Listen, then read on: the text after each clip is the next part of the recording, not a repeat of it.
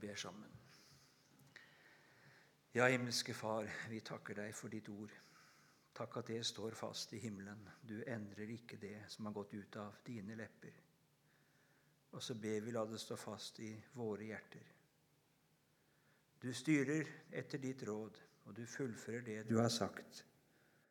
Og så er det bare oss til skade og ulykke om vi ikke akter på ditt ord. Derfor så ber vi deg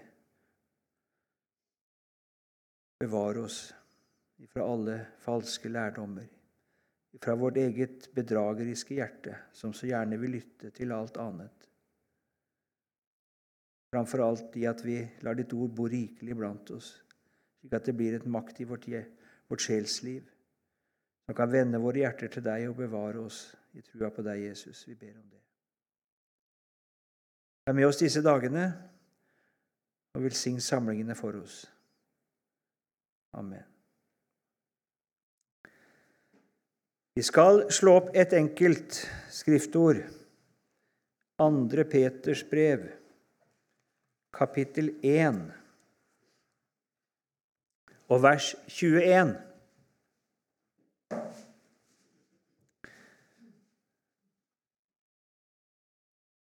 For aldri er noe profetord brakt fram ved menneskers vilje. Men de hellige Guds menn talte drevet av Den hellige ånd. Jeg satt som overskrift over denne timen 'Gud har talt'. Og Det er altså en grunnleggende sannhet når Skriften selv skal uttale seg om Guds ord det er at det er ikke menneskers påfunn. Det er ikke et eneste skriftord som har kommet til på den måten at det er noe mennesket har funnet på. Men det er Gud som har talt.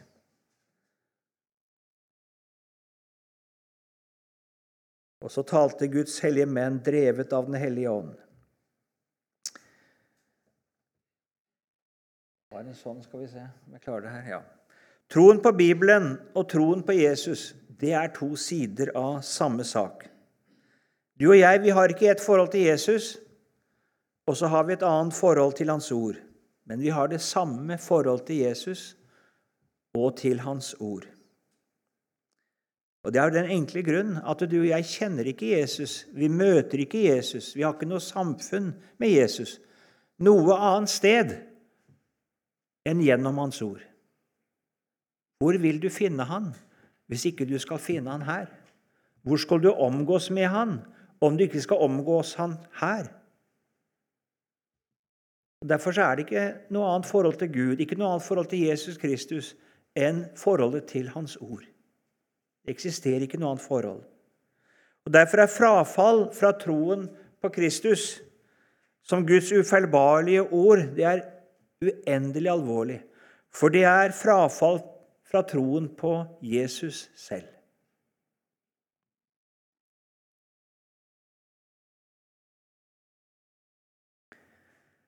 Skriftens autoritet den har sin grunn i Jesu persons autoritet.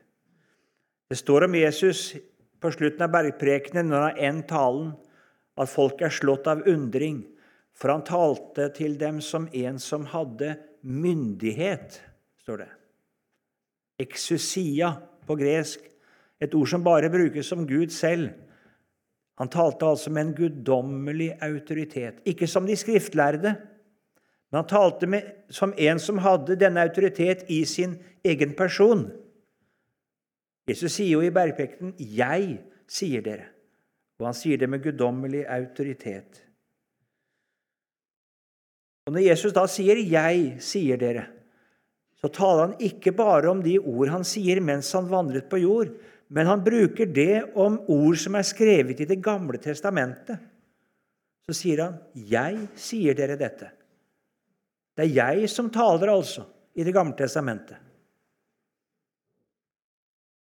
Og Han sier derfor også det at om ikke vi kan tro Moses' skrifter, hvordan kan vi da tro Hans ord?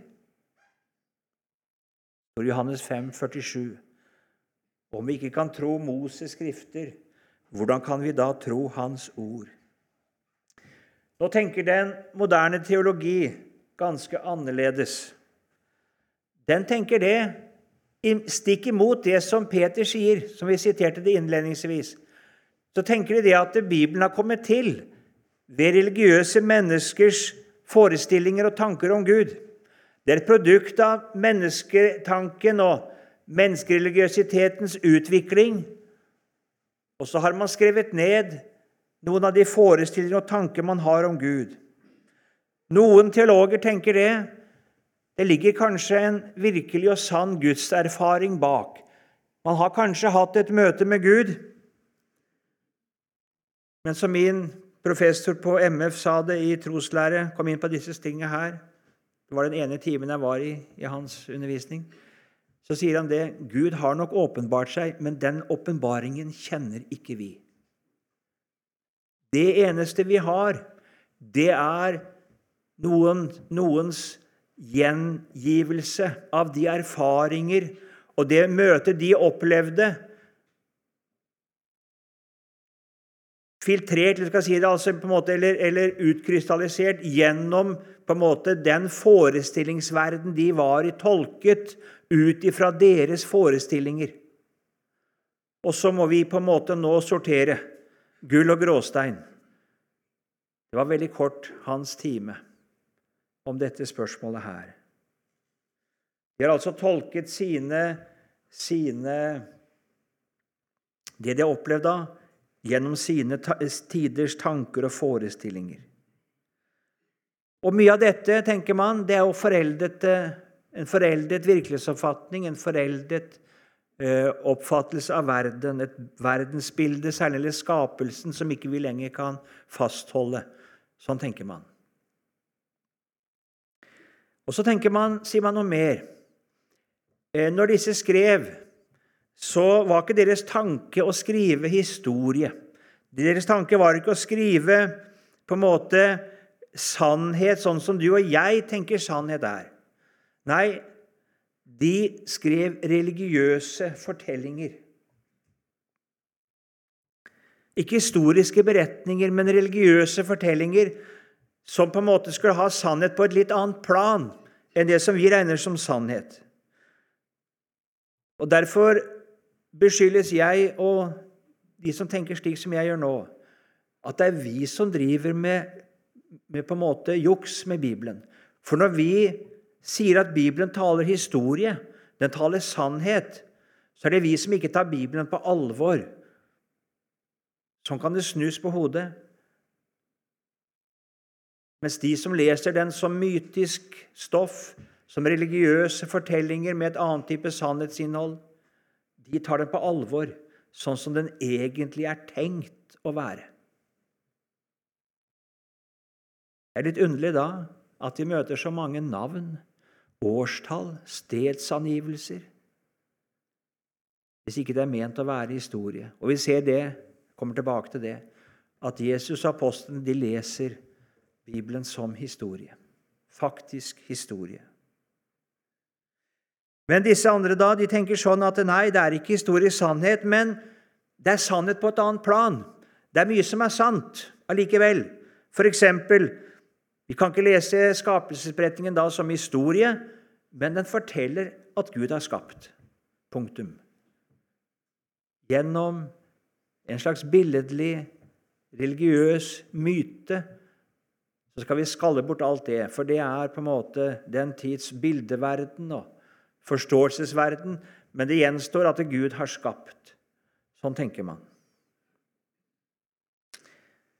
De fleste teologer i dag de har et evolusjonistisk syn på mennesket. Man tenker det at menneskeslekten går mot stadig større opplysning. Stadig, vi blir stadig klokere. Vi forstår stadig mer. Og de bibelske forfattere, stakkars dem, de hadde ikke den opplysning som vi har. Vi forstår så mye mer enn det de gjorde. Og Derfor må vi vente og finne mye gammelt grums, mye foreldede forestillinger, mye som ikke holder mål i Bibelen særlig Gammeltestamentet. Men til tross for det så vil det bak dette her være en kjerne av sannheter om tilværelsen, om mennesket, om Gud, Vi må bare rense det for alt dette slagget. Kan, det jeg nå har beskrevet, er faktisk noe av det mer konservative teologer i dag som tenker sånn. Noen tenker langt lenger ut og tenker det at ja, man regner ikke med noen Gud i det hele tatt, og forholder seg til Bibelen kun som religiøse menneskers tanker og forestillinger uten noen som helst rot i virkeligheten. Og så er Bibelen bare et interessant dokument, en dokumentasjon av menneskeslektens religionshistoriske utvikling.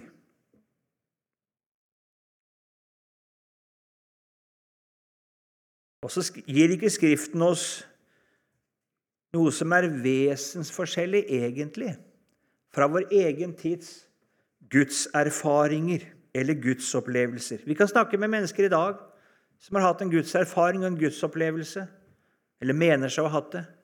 Ja, Og det er like verdifullt som, som Bibelen. Og det er like sant som Bibelen. For dette er bare gamle tiders gudserfaringer og gudsopplevelser.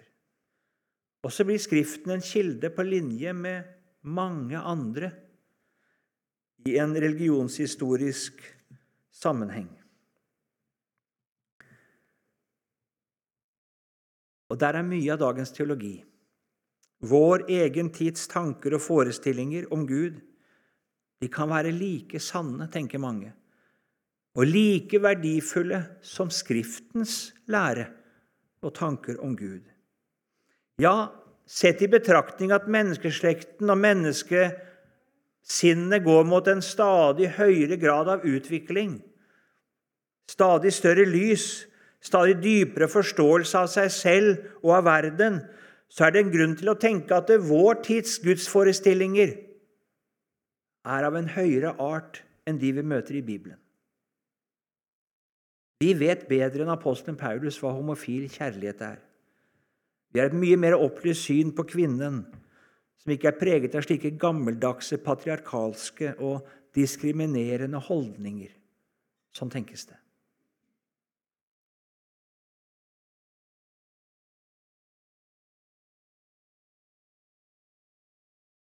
Den katolske kirke har alt lenge gitt rom for et sånt tankesett i sin lære om tradisjon.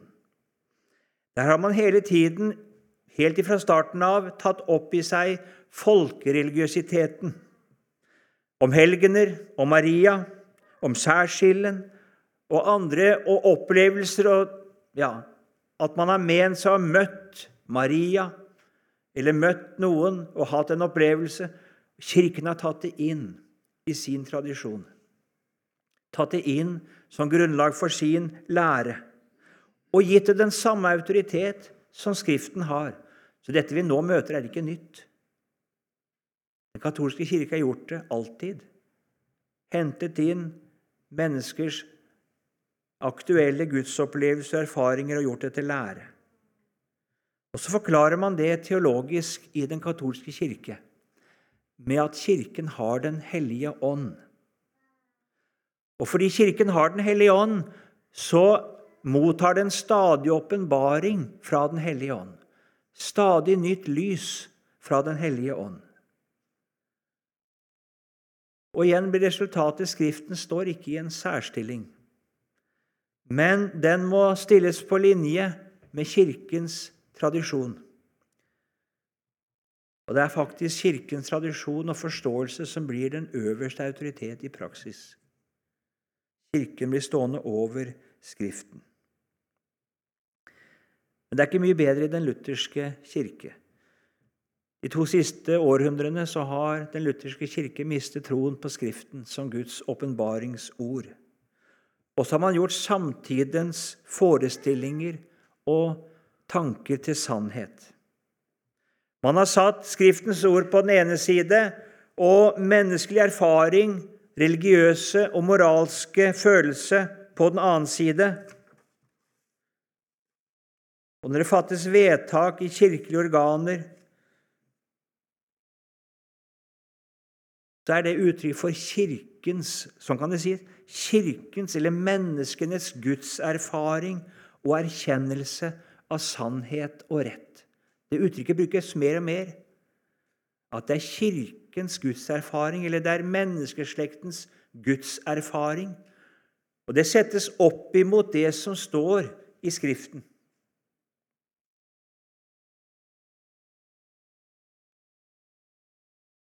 Med den der, ja. Og igjen så legitimeres det gjennom det at menneskeslekten går mot stadig større lys og erkjennelse, ledet av Gud. Jeg leste det i en luthersk troslære som brukes på teologiske fakulteter i dag. Det sies det det at menneskeslekten går mot stadig større lys, ledet av Gud.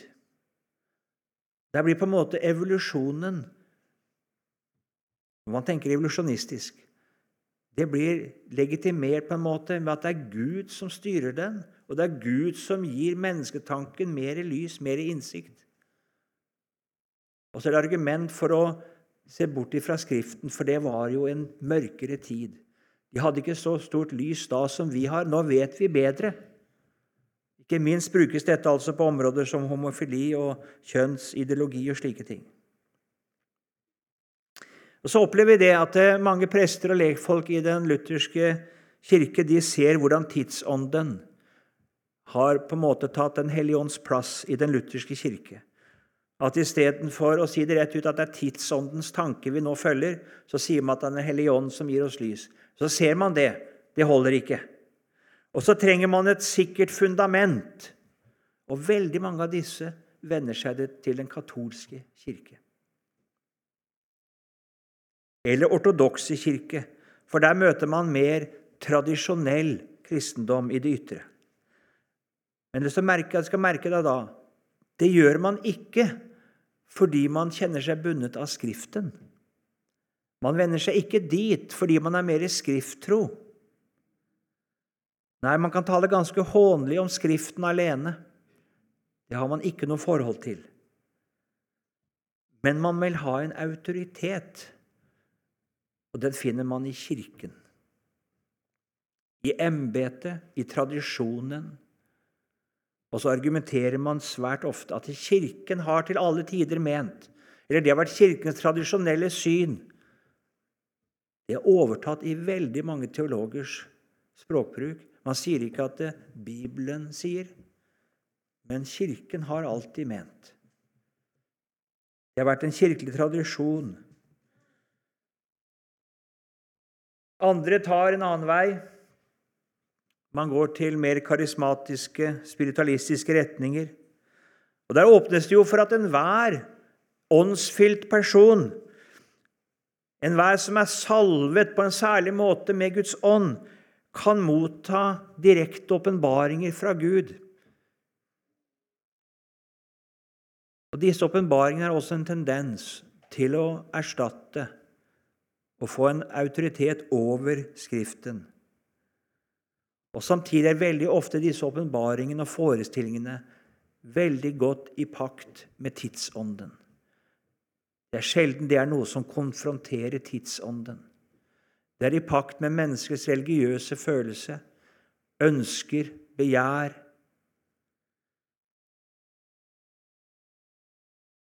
Ja, det får være om utviklingen, den triste utviklingen i kristenheten. Da skal vi gå og se litt hva lærer Skriften selv? Hva lærer den om seg selv? Jo, det er at Gud har åpenbart seg i historien ved sine profeter. Og denne åpenbaringen skiller seg vesentlig og grunnleggende fra all annen menneskelig erkjennelse og religiøse tanker. Intet profetord i Skriften er kommet fram altså ved menneskers vilje. Nei, ikke på den måten. Skriften er ikke menneskers tanker om Gud mer eller mindre bygd på erfaringer og opplevelser av Gud, men Skriften er åpenbaring. Det er Gud selv som gir seg til kjenne. Vi siterer igjen aldri er noe profetord brakt fram ved menneskers vilje, men de hellige Guds menn talte, drevet av Den hellige ånd. Og så setter Skriften denne åpenbaring gjennom sine profeter og apostler i en særstilling, hevet over alt annen formentlig gudserkjennelse eller erfaring, som noe enestående og noe som står i uopphørlig strid med folkereligiositeten og dens påberopelse av innsikt og erkjennelse av Gud. Vi møter jo hele Gamletestamentet en rekke profeter som mente seg å ha åpenbaringer fra Gud, men som står i folkereligiositeten.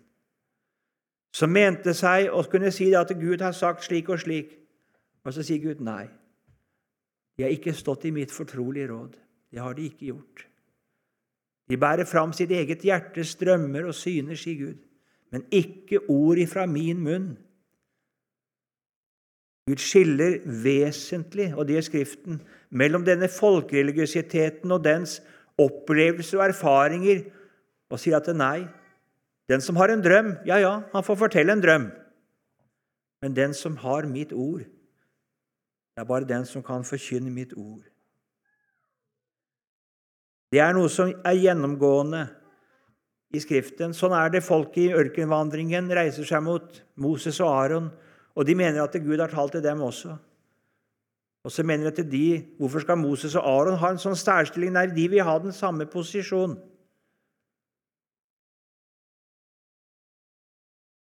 De får sin vilje når de bygger, lager gullkalven. Da får de sin vilje. Men det er frafall. Det er frafall fra den levende Gud. Vi skal samle det Skriften sier om seg selv til slutt i denne timen, i, i tre punkter. For det første Gud har på enestående måte åpenbart seg i historien gjennom sine profeter. Gud har talt. Det står sånn i Hebrebrevet 1 og vers 1 etter at Gud i fordums tid mange ganger og på mange måter hadde talt til fedrene gjennom profetene, har han nå i disse siste dager talt til oss gjennom Sønnen. Gud har talt mange ganger, på mange måter. Og Det er noe som Skriften legger uendelig sterk vekt på, at det er Gud personlig som taler i Skriften. Det er ikke mennesker som taler. Jo da, visst taler mennesker, men det er Gud som taler gjennom dem, ved dem. Derfor kan Bibelen veksle med å si det Moses sier, David sier. David sier i Ånden, Den hellige ånd sier.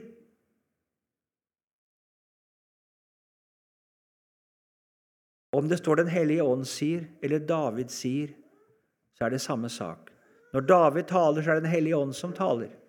Når Moses taler, så er det Gud som taler. Skriften sier, Gud sier. Man kan det siteres. Og det er ett og det samme. Det vil si, det som David, det som Moses sier, det er det Den hellige ånd, det er det Gud selv som sier. Det er Guds ord. Sånn taler Skriften, og det er mer enn en talemåte. Det er realiteter.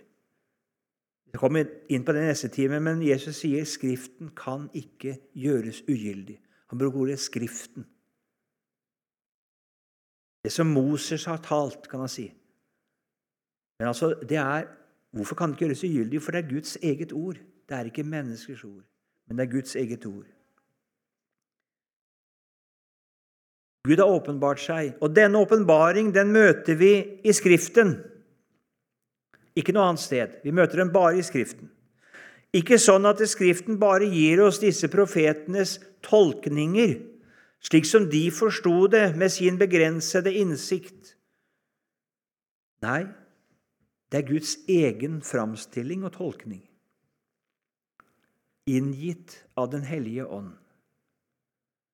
Drevet av Den hellige ånd, skrev disse. Og Derfor er den tale vi møter i Skriften, den er vesensforskjellig fra all annen religiøs tale og religiøse forestillinger. Og Skriften tar på det sterkeste avstand fra enhver tanke eller forestilling som mennesket selv har om Gud. Merk deg det. Skriften er veldig skeptisk til menneskets egen religiøsitet. Du tenkte jeg var som du, kan Gud si. Og du må forlate din vei og dine tanker. For våre tanker og våre forestillinger de er så av en helt annen art enn Guds tanker og Guds veier. Og Derfor så er det noe helt vesentlig annet vi møter i Guds ord enn menneskelige forestillinger og tanker preget av samtiden. Vi kan slå opp der i Jesaja 55, hvor Gud sier det. Fra vers 7 der. Den ugudelige forlater sin vei og den urettferdige sine tanker og omvender seg til Herren.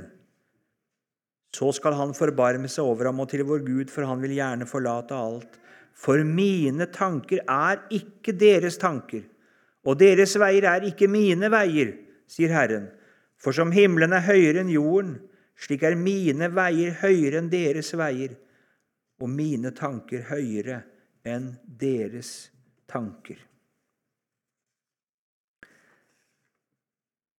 Skriften sier om seg selv, som vi leste til innledning, at den er guddommelig åpenbaring, ikke blir til ved menneskers vilje, men de hellige Guds menn talte drevet av Den hellige ånd. Altså ikke et vitnesbyrd om menneskers religiøse erfaring og opplevelser av Gud, men Guds egen åpenbaring gjennom mennesker. Utgangspunktet er, er ikke altså mennesker som har hatt et møte med Gud, og så formidler de det, men det er Gud som har talt gjennom mennesker. Det er ordet fra Guds egen munn. Bibelen er åpenbaring. Merk deg det ordet åpenbaring. og skiller seg derved fra all annen religiøs tale og forestilling. Når profetene ble drevet til å skrive, så ble det altså ikke bare inspirert som en kunstner som får en inspirasjon til å sette seg ned og så formidle det han føler og kjenner og tenker. Nei, ikke slik. Men Den hellige ånd var med hele veien. Innga han de tanker innga han de ord,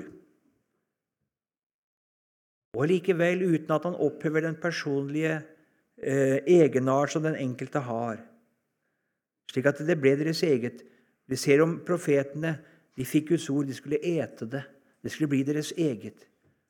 Jeg fant dine ord, og jeg åt dem. Sånn taler profeten. Det blei deres eget, og samtidig så var og ble det Guds ord det ble ikke preget av deres forestillinger, kanskje litt av deres ord og begreper. Kan vi se, Johannes har noen ord, Matteus har andre. Deres personlighet er med, og samtidig er det Jesu ord ett og alt som de formidler. De skrev ikke ned sine egne tanker og refleksjoner. Ja, vi møter jo i og for seg også det. Jeremia sin egen følelse. Han forteller hvordan han hadde det. Han gjør det. Og likevel så er ikke det på en måte eh, ja, Det er samtidig uttrykk for hvordan Gud også bruker det i sin åpenbaring. Det hører med til det Gud vil skal nedtegnes. Og Det er ikke noe som da farger åpenbaringen eller endrer den. Og det er slik da at fordi Gud tar sine vitner i bruk på denne måte, så må de skrive om ting de ikke helt ut forstår. Det er jo teologiens tankegang at det er begrenset av deres egen virkelighetsoppfatning og forståelse. Men Bibelen lærer tydelig at profeter og apostler talte om ting de selv ikke helt ut forsto eller kunne ane rekkevidden av. I 1. Peter 1 og vers 10. Om denne frelse var det profetene gransket og ransaket, de som profeterte om den nåde som dere skulle få. Idet de gransket hvilken eller hva slags tid Kristi ånd som var i dem, viste fram til når Han, altså Den hellige ånd, forutvitnet om Kristi lidelser og herligheten deretter. Altså Profetene var seg bevisst vi taler om noe som hører til en framtid. Hva slags tid er det? Gransket. Vi talte om Kristi lidelser, om herligheten deretter. Når skal det skje? Nei. Kristi ånd var i dem. Den åpenbarte dette. De skrev det. Men de selv gransket og ransaket for å fullt ut forstå det. Det er altså ikke riktig når teologen går ut fra at profetene skrev det som var preget av sin egen samtid. Og vi må finne forståelsen innenfor samtidens ramme. Hva kunne de være i stand til å fatte? Og de kunne selvfølgelig ikke fatte noe som skulle skje om 500 år. Daniel kunne jo ikke skrive om Babylon og Persia og Grekenland og Romerriket. Han levde jo før det. For man tenker ikke at det er mulig med profeti. Man kan jo bare tenke det man forstår, og skrive det man forstår. Nei, det er det som er åpenbaring. Det er det grunnleggende i Skriften at Gud har åpenbart seg. Han har fra begynnelsen forkynt enden. Det har han gjort. Det er det som gjør Gud til Gud. Og Skriftens ord til et åpenbaringsord. Det er nettopp det at det taler noe som går utover den menneskelige erkjennelse. Utover det profetene selv var i stand til å fatte ved sin tanke og ved sine grublerier. Det Gud hadde åpenbart for dem ved sin ånd, og det skrev de. Det tar den moderne teologi fullstendig avstand fra. At det er mulig altså for profeter og apostler å tale om noe som ikke det fins grunnlag for i samtiden. Man kan tenke seg det at man har framtidsdrømmer. Men det er innenfor det, ikke sant? Menneskene har drømmer ikke sant? og lengsler og håp og, om alt mulig rart som de kan håpe på. Det er, ikke, det er, nok av de profetene som har profetert om store vekkelser i Europa de siste ti år. De kommer jo ikke, men de gjentar det igjen og igjen som sin drøm. Det er noe annet enn Guds åpenbaringsord. Men det kan man tenke, at man har hatt noen drømmer. Men at det virkelig er åpenbaring, at det er virkelig Gud som forutsier det som skal skje, det tror man ikke på. Derfor så tror man ikke at Daniels bok er skrevet av Daniel på 500-tallet før Kristus? Nei. De er skrevet på 100, ja, altså omkring 160-70, etter at alt det som han har profetert om, eller mye av det, har skjedd. Sånn tenker man. Det er nesten opplest og vedtatt. For man kan ikke tenke seg at det finnes noe som heter åpenbaring. Det lærer altså Skriften. Det tredje punkt Guds åpenbaring er én. Guds åpenbaring er én, og den er uforanderlig den samme. Hva mener vi at Guds åpenbaring er én? Jo, det var ikke én ting i går, og så er det noe annet i dag. At det sånn lærte Gud på Mosetid, men så kommer Jesus, og nå lærer han noe annet. Nei. Guds åpenbaring er én. Den er like uforanderlig som Gud er uforanderlig. Fra begynnelse til slutt. Jesus sier i Matteus 5, vers 17-19, at han ikke kommer med et budskap som opphever Det gamle testamentet. Han kommer ikke for å sette Det gamle testamentets ord til side, men for å oppfylle det inntil minste detalj. Det er altså noe som hører til, og det er langt inn i konservative kretser.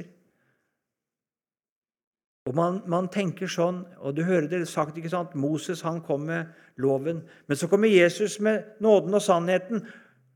og så er vi ferdig med Moses. Så forstår man det på den måten at det nå kommer en ny åpenbaring som tar bort den gamle. Og så er vi så glad for vi bør ikke holde oss til denne strenge Gud som vi møter hos Moses. Nei, nå er Gud så mye kjærligere. Ja, sånn tenkes det. Jeg var på et, en samling for konservative teologer, noe som heter Forening for bibel og bekjennelse. Og Så talte jeg om det at Gud er den samme i både Gamle og Nye testamentet. Og Da var det noen som sa nei, nei, nei, vi forholder oss til Jesu enkle lære, men dette Gamle testamentet, nei, det er så mørkt. Det klarer vi ikke. Det vil være bibeltro. Og de trodde dette var bibelsk at Det nye testamentet setter Det gamle testamentet ut av kraft. At det er litt større lys i Det nye testamentet. Og Det er noe som har ligget der i mye teologi, at åpenbaringen går mot stadig større lys. Gammeltestamentet er det dunkelt. Du kan lese julesalmen til, til, eh, til eh, Grundtvig. Ikke sant? Hva de som i dunkelt liksom så Nå ser vi det klarhet i englesangen. ikke sant, så er det, Og Det ligger noe av den samme tankegangen der, at det var litt dunkelt, det var litt vanskelig, det var litt mørkt. Litt feil. Men nå, i Jesus Kristus, så ble det klart. Det er ikke slik. Åpenbaringen 22, vers 18 og 19. Jeg vitner for enhver som hører de profetiske ordene i denne boken. Dersom noen legger noe til dette, da skal Gud legge på ham de plagene som det er skrevet om i denne boken. Og dersom noen tar noe bort fra ordene i denne profetiske boken, da skal Gud ta bort hans del fra livets tre og fra den hellige by, som det er skrevet om i denne boken. Som ung så leste jeg disse ordene og tenkte hva er det Er det åpenbaringsboken det tenkes på? Å legge noe, eller trekke noe fra den boken. Helt til jeg oppdaget det, at dette er et sitat. Det som sies her, det er et sitat fra 5. Mosebok, kapittel 4, og vers 2. Dere skal ikke legge noe til det ordet jeg byder dere, og dere skal ikke trekke noe fra men dere skal holde Herren deres Guds bud, som jeg gir dere. Åpenbaringen siterer 5. Mosebok. Hva er, hva er Guds hensikt med dette? Jo, min åpenbaring, den er én. Den er og blir den samme. Det skal ikke legge noe til den åpenbaring. Det skal ikke trekkes noe fra den. Den er og blir den samme fra begynnelse til slutt. Og så må du og meg lese Jesu apostlenes forhold til Moses og profetene i lys av dette ordet. De trekker ingenting fra, og de legger ingenting til. Men de holder seg i ett og alt til det som Gud har åpenbart i Det gamle testamentet. Du sier det sånn, det kommer en engel fra himmelen og forkynner et annet budskap han være forbannet. Jeg sier ikke noe annet, sier Paulus, enn det Moses og profetene har sagt. Ingenting annet. Jeg holder meg bare til det og ingenting annet. Skal vi ikke høre på en engel fra himmelen, hvor mye mindre skal vi høre på en pave eller et kirkemøte eller en karismatisk profet sine ord? Det er da ingenting imot dette ordet, som er evig gyldig.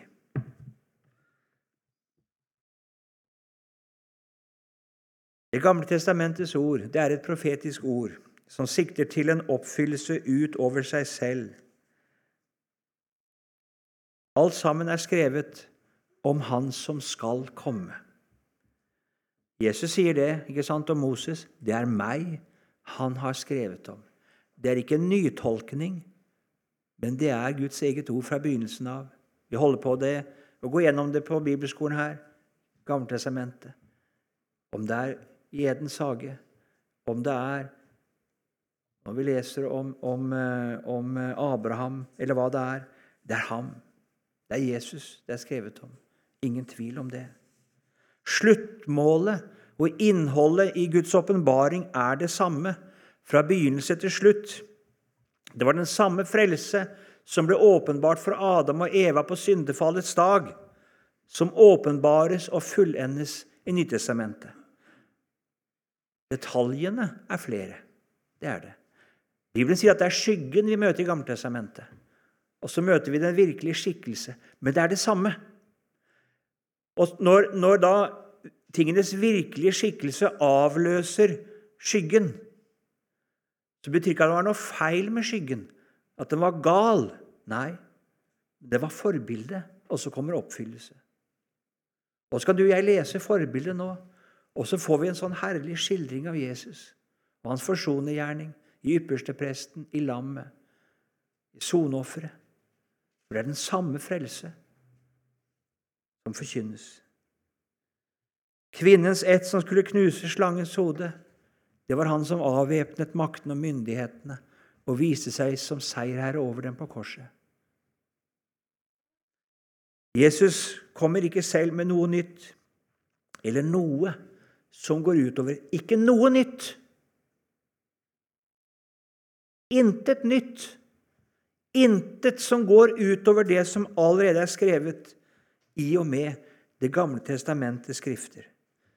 Han bekrefter det. Han er dets ja og dets amen. Det er han. Men han kommer ikke med noe nytt. Og På samme måte er det med apostlene. De er vitner om Jesus ut ifra Det gamle testamentet. Når Jesus lærer Emmaus-vandrerne og disiplene etter oppstandelsen, så sier han dere er vitner om dette. Hva var de vitner om? Var de vitner om hans oppstandelse? Ja, det kan sies. Men de var vitner om hans død og oppstandelse ut ifra Det gamle testamentet. Det var de. Det var her, i Det gamle testamentet, det sto om han. At han skulle lide og dø og oppstå på den tredje dag. Og det var det de skulle vitne om, ut ifra Skriftene. Derfor kan vi lese, vi skal slutte med det, 1. Korinterbrev 15. Legg merke til hvordan apostelen Paulus taler.